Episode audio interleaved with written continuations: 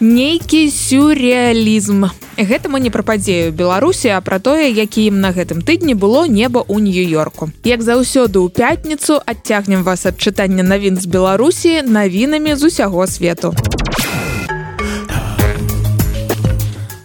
Дональда трампа зноў хочуць бачыць у суддзе экс-прэзідэнту ЗША выставілі новыя абвінавачванні ў тым ліку за несанкцыянаванае захоўванне сакрэтных файлаў піша BBC летась на курорце трампа ў флорыдзе правялі ператрус і канфіскавалі 11 тысяч дакументаў у тым ліку каля 100 з пазнакай сакрэтна а некаторыя нават з грыфам цалкам сакрэтна паводле закона захоўваць сакрэтныя дакументы ў непрызначаных для гэтага месцах нельга нават прэзідэнту. У паведамленні ва ўласнай садсетцы трус соушал трамп заявіў што ён не вінаваты. Гэта сапраўды чорны дзень для злучаных штатаў Амерыкі.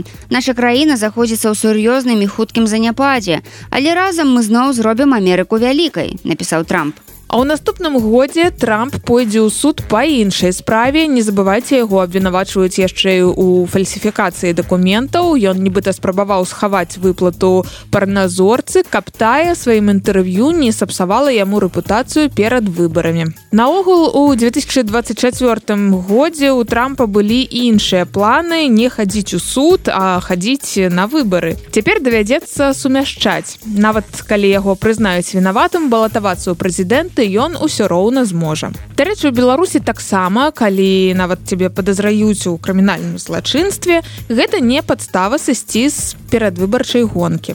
Таму беларускі цвк нагадваем вам пасля арышту Віктора бабарыкі прыдумаў яшчэ 101 прычыну, чаму ягонае імя нельга ўносіць у выбарчы бюлетэнь. Дзяржавы еўрапейскага саюза пастаянна грэбуюць патрэбамі афганцаў гаворыцца ў справаздачы міжнароднага камітэта выратавання. Складальнікі справаздачы звяртаюць увагу усяго 271 афганец змог трапіць у ЕС у 2022 годзе піша CNN прытым што ў дапамозе абароне мелі патрэбу 270 тысяч афганцаў. Многія ўцекачы цытата замкнутыя ў аддаленых і падобных да турмы умовах напрыклад у астра астраўных лагерах. Гэта падрывае псіхалагічнае здароўе людзей, цытуе справаздачу брытанская загардыан. З моманту захопу ўлады талібамі прайшло больш за паўтара гады і мы ўжо не бачым трагічных кадраў з аэрапорта, на якіх бачна, як людзі адчайна спрабуюць трапіць на самалёт. Але камітэт нагадвае сітуацыя ўсё яшчэ вельмі драматычная. Паўтара гады таму журналісты BBC папярэджвалі. Зусім хутка эксперты па талібах у сеціве перавядуцца, Афганістан перастане быць такой гарачай і цікавай тэмай як была некалі і тады жыццё ў краіне стане па-сапраўднаму невыносным Таму дарэчы Украіна пастаянна нагадвае свету нельга стамляцца ад вайны пакуль вайна не скончыцца.